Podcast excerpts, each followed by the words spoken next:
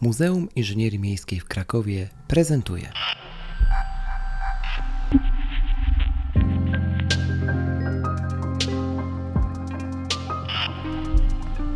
Mimcast. Miasto i my.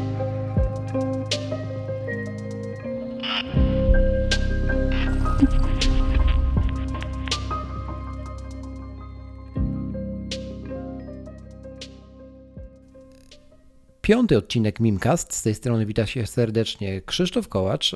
Dzisiaj odcinek z wyjątkowym gościem. Jedni mówią o nim, że to jest człowiek, który mógłby opowiadać godzinami o skrzydlatych ptakach. Inni mówią, że to bardzo dobry gawędziarz, który historię lotnictwa ma właściwie nawet no, w małym palcu, można powiedzieć wprost. Dlaczego w ogóle lotnictwo w tym odcinku jest tematem, który chciałbym poruszyć? To jest historia, która sięga jeszcze czasów, kiedy nie istniał Wimcast. Kiedyś rozmawialiśmy sobie przy okazji współpracy z Piotrem Gujem, dyrektorem Muzeum Inżynierii Miejskiej w Krakowie, właśnie e, po prostu przy kawie o, o, o lotnictwie. Zresztą muzeum jest właścicielem hangaru Czyżyny. E, I właśnie Piotr podrzucił taki, taki pomysł na, na, na rozmowę z dzisiejszym moim i Państwa gościem, a jest nim e, pan dr Krzysztof Wielgus. Witam serdecznie panie doktorze i dziękuję za przyjęcie do zaproszenia w ogóle do Mimcastu, do tego medium, jakim jest podcast. Witam serdecznie. Zaczynając e, tę naszą dzisiejszą dyskusję, chciałbym w ogóle pana doktora zapytać o, o jakby osobistą historię związaną właśnie z tymi, tak kolokwialnie przeze mnie nazwanymi, skrzydlatymi ptakami. Czyli jak to się stało, że kiedyś, pewnie jeszcze za, za czasów y, młodzieńczych, zainteresował się, się pan lotnictwem i, i jak to później rzutowało na, na życie po prostu, bo, bo przecież każda historia to, to człowiek, który za nią, za nią stoi. Tak? Jak to się zaczęło? Y, no, to jest takie, można powiedzieć, wychowanie w cieniu skrzydeł, mhm. dlatego, bo y, i ojciec y, chciał iść przed wojną na kierunek lotniczy. To nie wyszło, bo miał rozpoczynać studia w październiku 1939 roku, inaczej się to potoczyło, ale później i tato i jego przyjaciele, między innymi późniejszy dyrektor Muzeum Lotnictwa, no, to ludzie, pomiędzy którymi się wychowywałem, sam też chciałem połączyć swoje dorosłe życie z konstrukcjami lotniczymi też troszkę inaczej to się poukładało. Y, wylądowałem na architekturze z czasów szkoły podstawowej i liceum, y, z czasów modelarstwa, a potem już czasów pracy y, wolontaryjnej w Muzeum Lotnictwa. Mhm. To były czasy licealne, lata 70. Możliwość pracy przy fascynujących starych maszynach czasów I wojny światowej. Oczywiście równolegle kurs szybowcowy, y, y, pasje modelarskie, które poniekąd trwają do dziś. Mhm. No i tak to się rozwinęło. Natomiast y, muszę wspomnieć pierwszy swój lot y, samolotem, to był y, samolot CSS-13, ale jeszcze w otwartej kabinie i to zostaje na całe życie.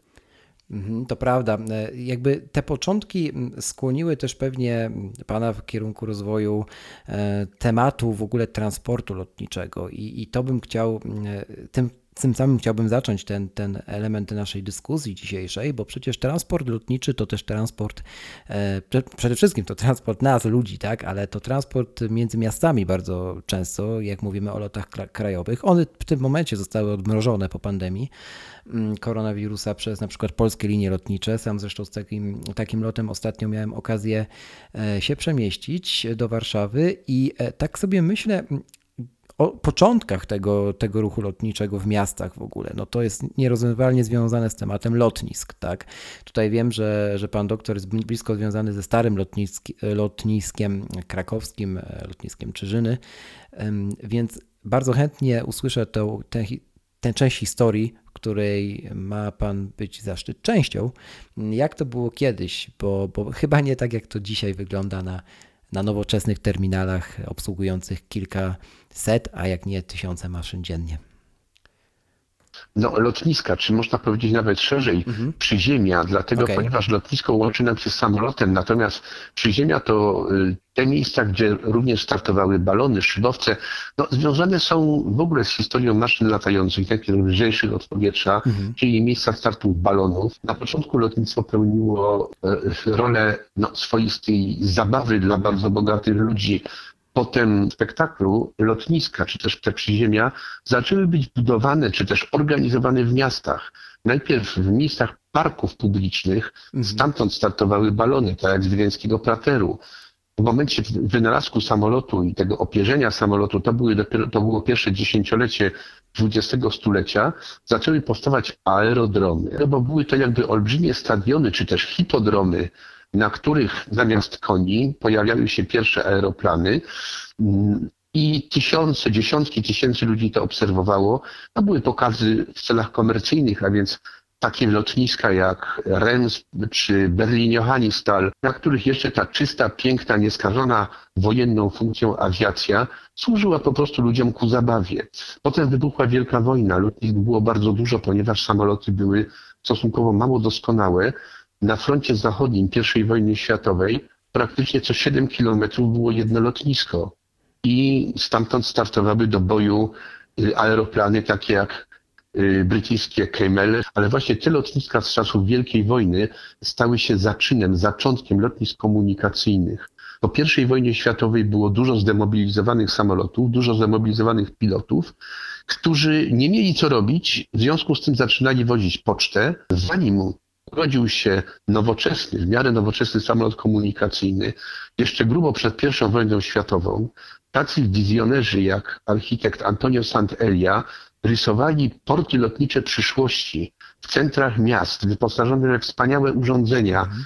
To były wizje, które nie spełniły się dokładnie tak, jak oni to widzieli, mhm. ale jednak wyprzedzały o ponad pół wieku to, co było później w okresie międzywojennym powstawały pierwsze wielkie porty lotnicze, właśnie służące transportowi. One przypominały wielkie dworce kolejowe, ponieważ były tak wspaniałe, że lecić na kolana tych, którzy mieli podróżować między miastami, a potem między kontynentami.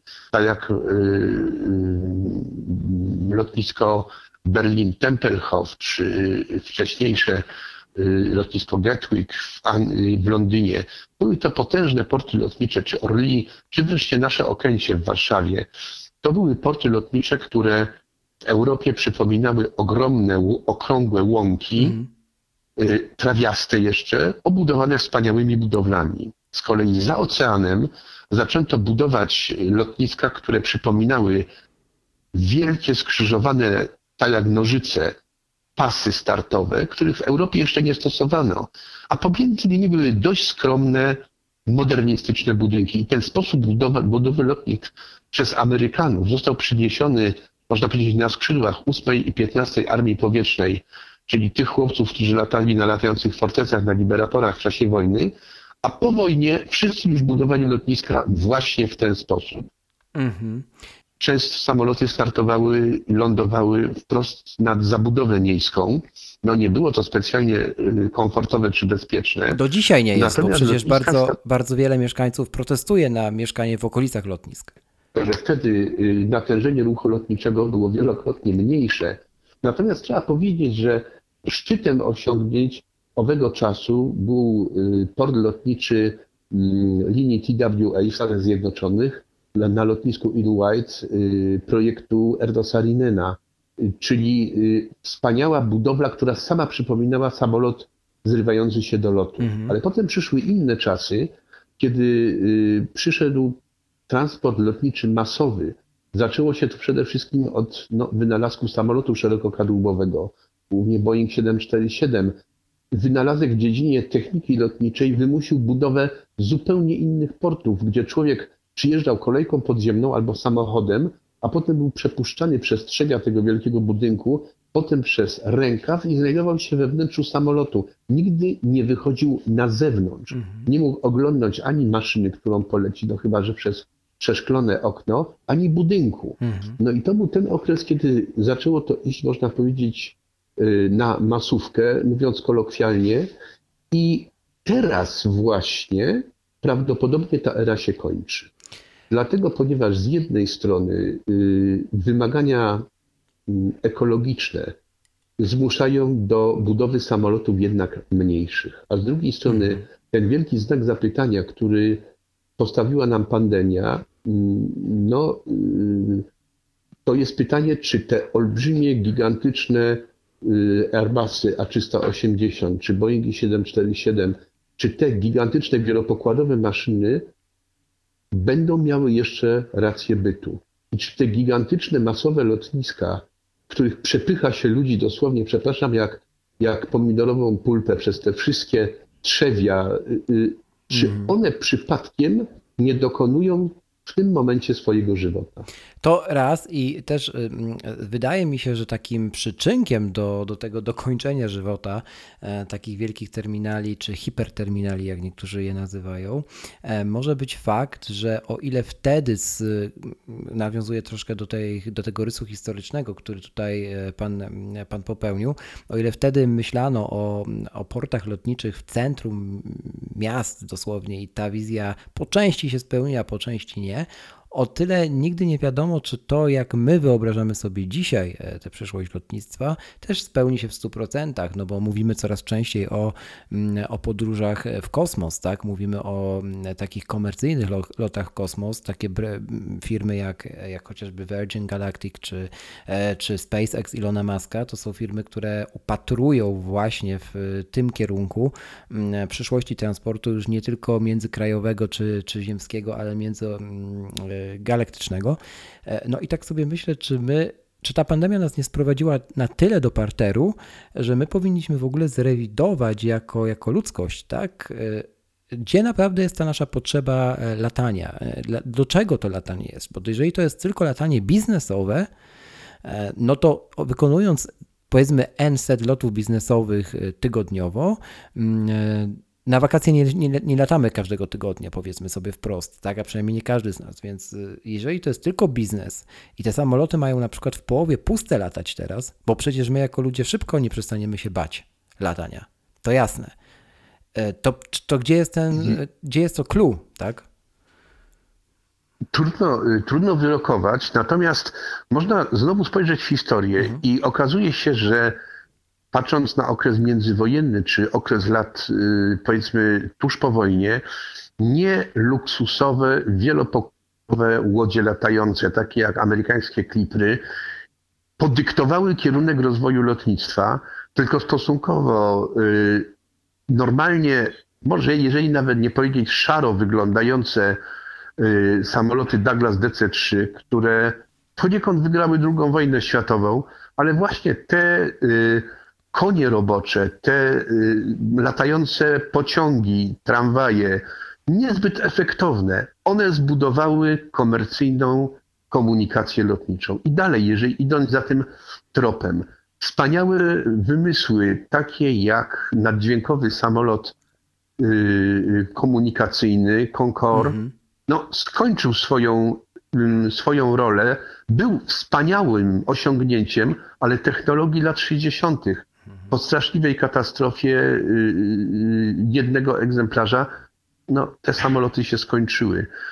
Prawdopodobnie przyszłość lotnictwa komunikacyjnego to nie będą wielkie, efektowne, gigantyczne maszyny, mhm. tylko maszyny oszczędne, ciche, stosunkowo nieduże, dość proste w eksploatacji y, i być może właśnie one wyznaczą tak jak proszę zobaczyć, jeździmy pociągami, ale nie jeździmy Orient Expressem. Mhm. Jeździmy pociągami y, y, coraz nowocześniejszymi, cichszymi, ale większość to, są, y, to nie są jeżdżące salony. Prawdopodobnie ten pęd do luksusu, do tego codziennego luksusu on się skończy. Natomiast latać będziemy, dlatego ponieważ jest to jednak stosunkowo y, no, może, może nie tani, ale jednak konieczny sposób transportu, y, oszczędzający czas, tylko najprawdopodobniej będzie musiał być włączony pewnego rodzaju y, proces racjonalizacji, mhm. zarówno po stronie budowy statków powietrznych, ekonomii ich użytkowania, jak i budowy portów lotniczych. Mhm. Tak, takie porty lotnicze, ostatnio przeczytałem taką wizję, że porty lotnicze tak naprawdę powinny mo mogą zostać teraz budowane jako, jako coś w rodzaju przystanków. Tak? Bo jeżeli taka maszyna na tym porcie się zatrzymuje już dziś na stosunkowo krótko, bo przecież chodzi o to, żeby jak najkrócej była przyziemiona, e, no to ten rozmach, ten, ten jakby właśnie e, taki przepych, który niektóre sportów mają, no wydaje się być słabo uzasadniony. A jeżeli zmniejszy się nam ilość Oczywiście. rotów, to tutaj jakby ta przystankowość, może to jest kierunek. Y, poza tym porty lotnicze, one w pewnym momencie stracą mm, ten swój szarm, ten, tą, tą mhm. swoją elegancję, albo przynajmniej będzie ona inna. Porty lotnicze były podporządkowane zawsze propagandzie. Mhm. One musiały rzucić na kolana y, przed potęgą państwa albo przed potęgą kompanii lotniczej. I tak długo, jak będziemy to robili mm, tylko dla celów propagandowych, no przypomnijmy sobie gigantyczny, rozdęty port lotniczy Berlin-Tempelhof, y, przepraszam, ikonę faszyzmu mhm. projektu Ernsta Zagebila, znakomitego architekta, który był uczniem sławnego Mendelssohna, tylko że Mendelssohn, będąc nie Aryjczykiem, musiał szybko z Niemiec uciekać. Y, natomiast to gigantyczne lotnisko nie spełniło roli y, wielkiego propagandowego portu Berlina, natomiast spełniło piękną rolę w czasie mostu berlińskiego, y, stając się symbolem pomocy dla odizolowanego miasta. Dlaczego o tym mówię? Tak samo jak skończyły się dworce kolejowe, mogę powiedzieć niestety, ja kocham te dworce kolejowe, ja też, które oczywiście. wyglądają jak pałace, oczywiście. ale w pewnym momencie mamy przystanki. Stety, niestety, mamy galerie handlowe przy mhm. dworcach, natomiast te wspaniałe dworce, takie jak Gare Nord, czy, czy Houston Station, czy, czy chociażby nasz dworzec w Tarnowie, one są już szacownymi zabytkami. Mhm. Tak samo te porty lotnicze, mówię o portach komunikacyjnych, będące pomnikami wspaniałości, ale i pomnikami próżności, mhm. one się, wydaje mi się, skończą.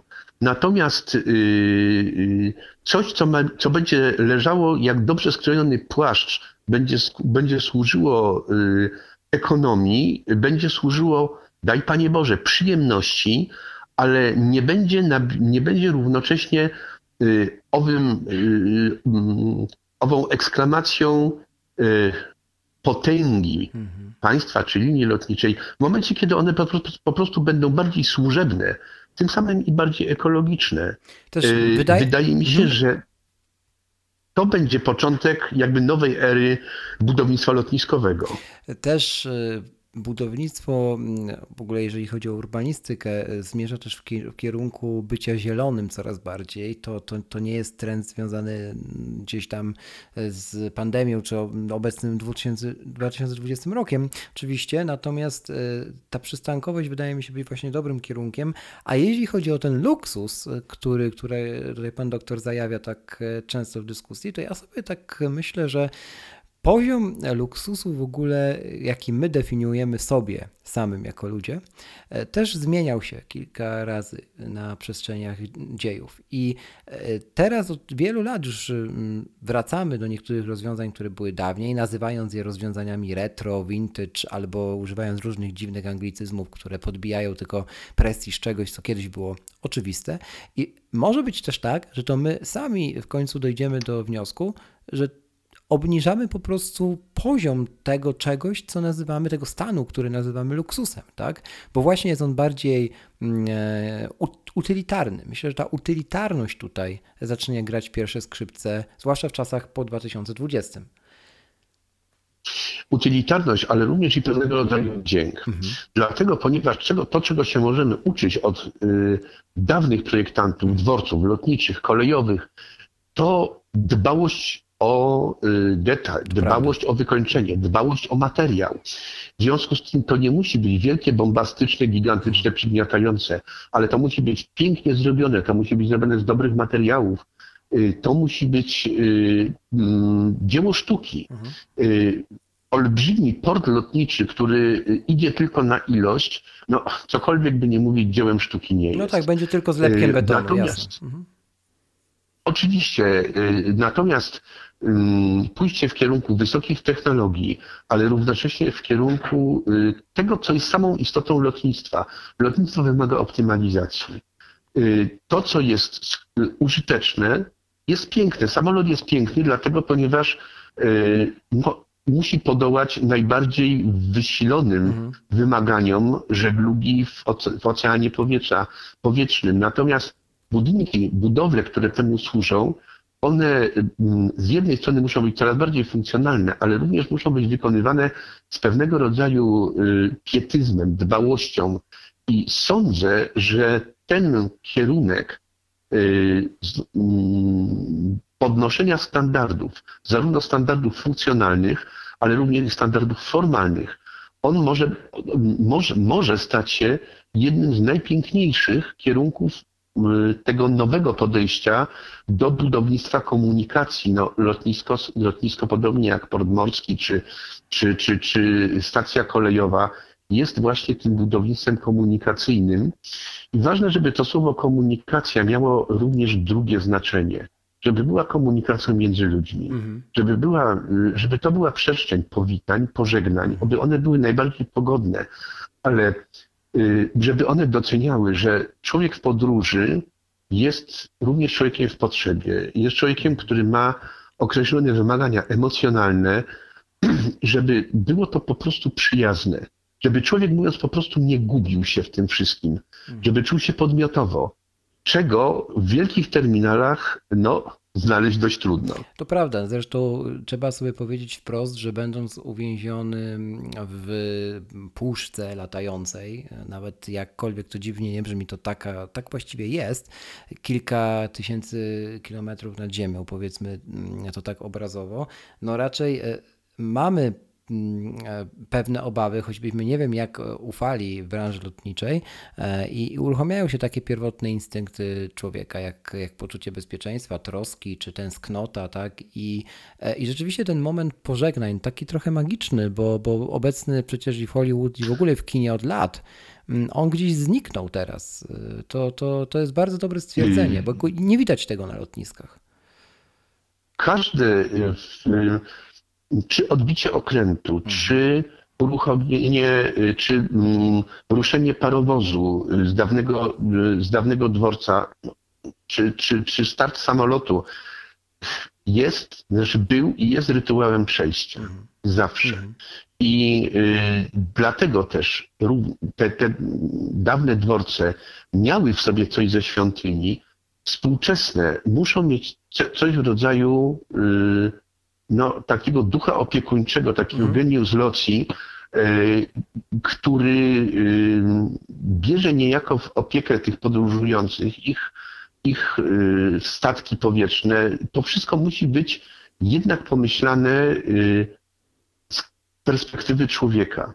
Budowle inżynieryjne są zawsze, tym się różnią od tych zwykłych, od naszych domów, od, od, od mieszkań, czy łazienek, czy nawet powiem tutaj świątyń, że wszystkie te pozostałe obiekty czy przestrzenie służą człowiekowi w jego cielesności, w jego duchowości, ale człowieka, człowiekowi, który jest powiedzmy odziany, ma dwie ręce, dwie nogi, głowę, ale nie posługuje się nowoczesnym narzędziem. Natomiast budowle inżynieryjne są takie, które służą człowiekowi, który ma w swoich dłoniach albo technologię, albo narzędzie, tym narzędziem może być samochód, może być samolot, może być armata, jeżeli mówimy o budowlach militarnych, fortyfikacyjnych, ale ergonomia takiej budowli dostosowana jest zazwyczaj do urządzenia, a nie bezpośrednio do człowieka. Mhm. Y, trochę zapomnieliśmy, budując wielkie porty lotnicze, że one nie są budowane dla samolotu, dla ekonomii czy dla transportera, tylko one są budowane dla człowieka. Więc y, ten rys, rys humanitarny, mhm. ale również związany z tym, że dworce lotnicze nie powinny być tylko wnętrzami. One również powinny mieć swoje zewnętrze, one powinny być obserwowalne z pociągu, z samochodu, z samolotu. Y, w jaki sposób zostało to być może zapoczątkowane na lotnisku Ben Guriona w Tel Awiwie projektu Shlomo Aronsona, ale y, wydaje mi się, że z dawnych, z dawnych portów lotniczych będziemy być może czerpać to, że one były kompozycjami krajobrazowymi, mniej lub bardziej świadomie czynionymi, a nie tylko technologicznym czy też technokratycznym zbiorem budowli, których nawet nie sposób z zewnątrz, ponieważ tak szybko przechodzimy przez ich środek.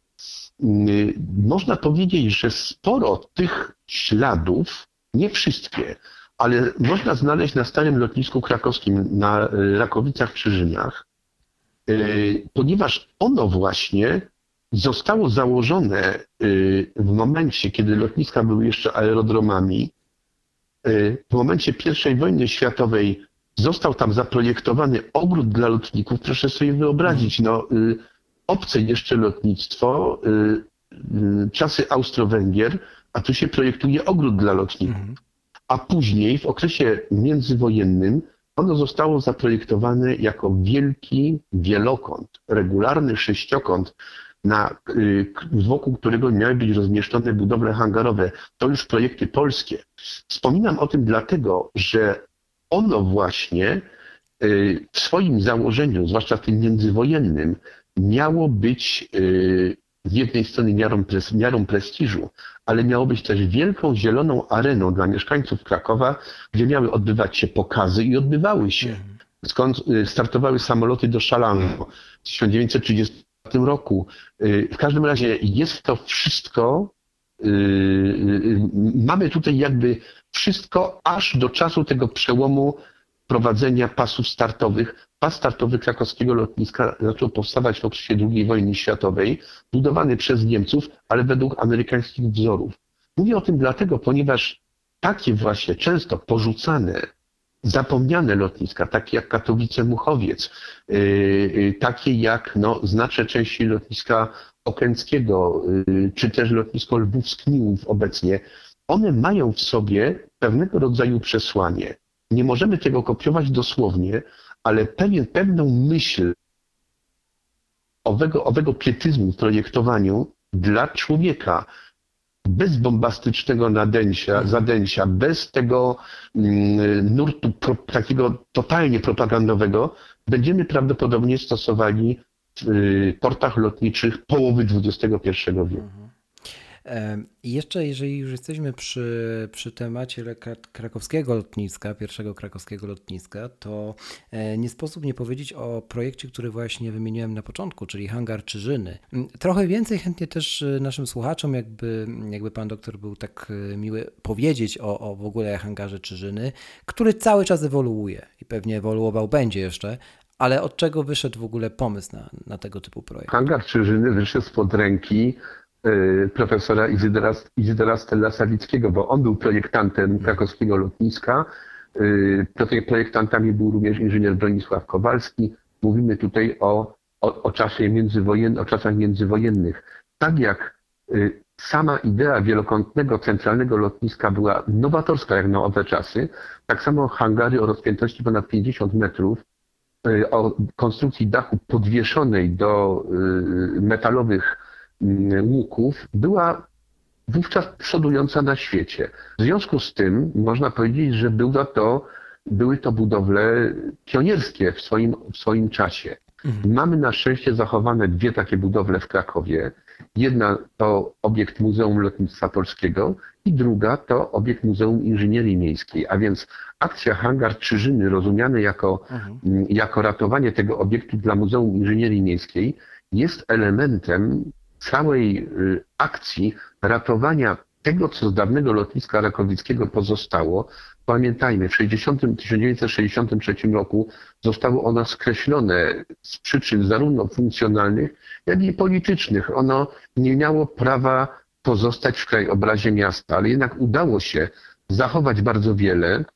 Y, to, co zaczynał niegdyś dyrektor Marian Markowski jako dyrektor Muzeum Lotnictwa uratowania jednego hangaru, kontynuował to dyrektor Krzysztof Radwan, y, to po stronie Muzeum Lotnictwa, to co, to, co dzieje się obecnie dzięki Muzeum Inżynierii Miejskiej, to ratowanie hangaru, który już nie jest na terenie y, który można byłoby scalić z Muzeum Lotnictwa. Mhm. On jest oddzielony, ale to wszystko idzie w kierunku, tak jak uratowano kiedyś planty, znaczy stworzono planty, ratując część dawnych fortyfikacji średniowiecznych miasta, tak samo te wielkie błonia rakowickie w znaczeniu współczesnym.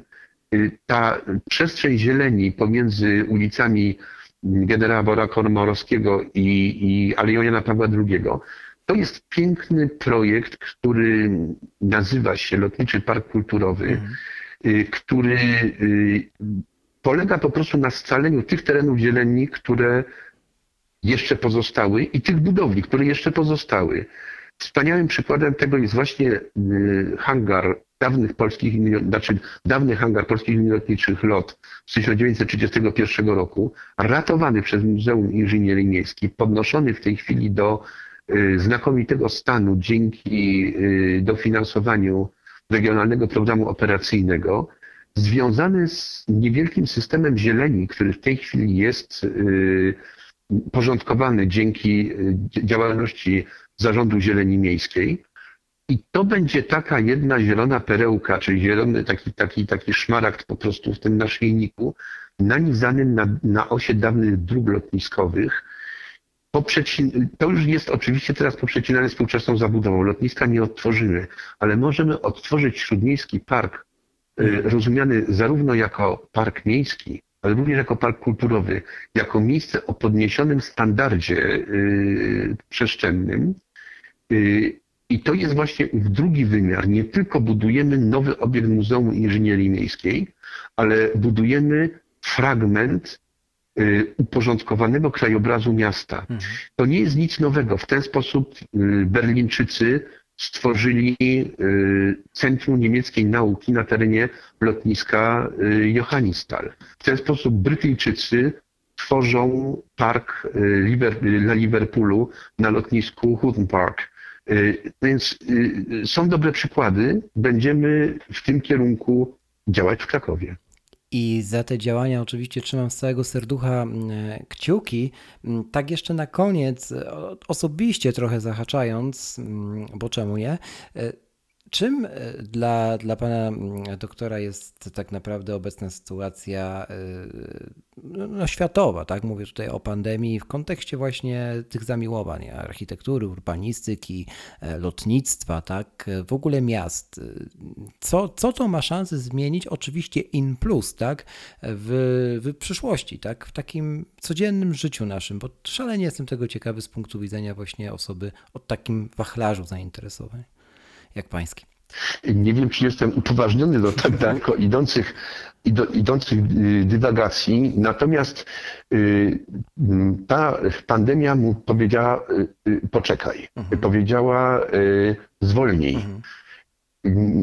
Nie wiemy, do czego ona doprowadzi, mhm. natomiast ona podniesie znaczenie lokalności. To jest istotna sprawa i pozwoli na rozglądnięcie się w pobliżu to są przede wszystkim tereny porzucone, tereny, które są pozostałościami pierwszej i drugiej rewolucji przemysłowej, które uważaliśmy tylko jako obciążenie, jako coś niedobrego, e, jako coś zdewastowanego, co trzeba jak najszybciej zgentryfikować, przerobić, przekształcić, a być może te tereny, te budowle, pozostałą e, zieleń e, na tych terenach będzie można wykorzystać jako przedłużenie naszego mieszkania, jako przedłużenie naszego y, y, miejsca y, pracy, miejsca bytowania. Tak jak dawniej starali się, starano się porządkować swoje otoczenie. Być może tego typu właśnie zatrzymaj się, tego typu przyhamowanie spowoduje większą troskę, większą dbałość, większy pietyzm o to, co do tej pory tylko konsumowaliśmy, przerabialiśmy na kolejne metry kwadratowe w celach komercyjnych, burzyliśmy, dlatego, ponieważ yy, to, co przestawało być nam potrzebne, a nie było zabytkiem, mhm. było takim yy, reliktem, ale niepotrzebnym, który należało jak najszybciej wymazać. A może okaże się, że tak jak znalezioną w kufrze suknię pradawci, czy y, znaleziony stary rower na strychu, on nie musi iść od razu na złom. On może posłużyć. Może posłużyć, musi posłużyć inaczej, niż był do tego przewidziany. Nie daj Panie Boże, żeby dawne forty czy dawne lotniska wojskowe służyły wojnie. Natomiast one wszystkie, y, te poświaty, te porzucone y, tereny, porzucone obiekty mogą nagle okazać się bardzo wartościowe i być może y, będzie to jedna z, jeden z niewielu plusów owej pandemii. Natomiast jeżeli chodzi o miasta, o urbanistykę, y, no, trudno wyrokować. Natomiast miejsce, w którym będziemy dłużej. Mhm. Nie tak, że mieszkanie traktujemy jako sypialnię, no tak. ale w tym mieszkaniu musimy spędzić więcej czasu. To się przenosi do skali dzielnicy, do skali mhm. miasta, mhm. do skali regionu. Może y, okazać się to y, tym, że będziesz turystą w swoim mieście, a być może turystykę, którą będziesz uprawiał, to nie będzie turystyka konsumpcji, tylko turystyka oparta na trzech literkach E. To jest angielskie, angielskie angielska definicja turystyki kulturowej. Education, excitation, entertainment. Zabawa, edukacja i owo szlachetne podniecenie, że znajdujemy coś ciekawego, coś nowego. E, może właśnie będziemy Indianą Jonesem e, w sąsiedniej dzielnicy, albo będziemy odnajdywać miejsca, które są fascynujące, a które w dotychczasowym pędzie po prostu, których nie zauważaliśmy. Y, być może właśnie ta y, rola miejsc do tej pory porzuconych, zaniedbanych, zaniechanych y, będzie większa i może będzie to jeden z pozytywów owego zatrzymania się. Tak, i tego i panu, i wam, drodzy słuchacze, życzę bardzo serdecznie. Myślę, że na koniec taką ładną puentą będzie jeszcze porównanie do, skoro już Indiana Jones, to do tego, żeby, żeby ta pandemia e, pozwoliła nam odkryć, co jest tak naprawdę tą naszą zaginioną arką. Bardzo często jest to e, na wyciągnięcie ręki. Dziękuję bardzo, panie doktorze, za bardzo udział. Bardzo dziękuję. I mam nadzieję, że to nie ostatnia nasza rozmowa. E, to był oczywiście piąty odcinek Mimcastu. Z tej strony żegna się Krzysztof Kołacz. Do następnego razu. Do usłyszenia. Do widzenia.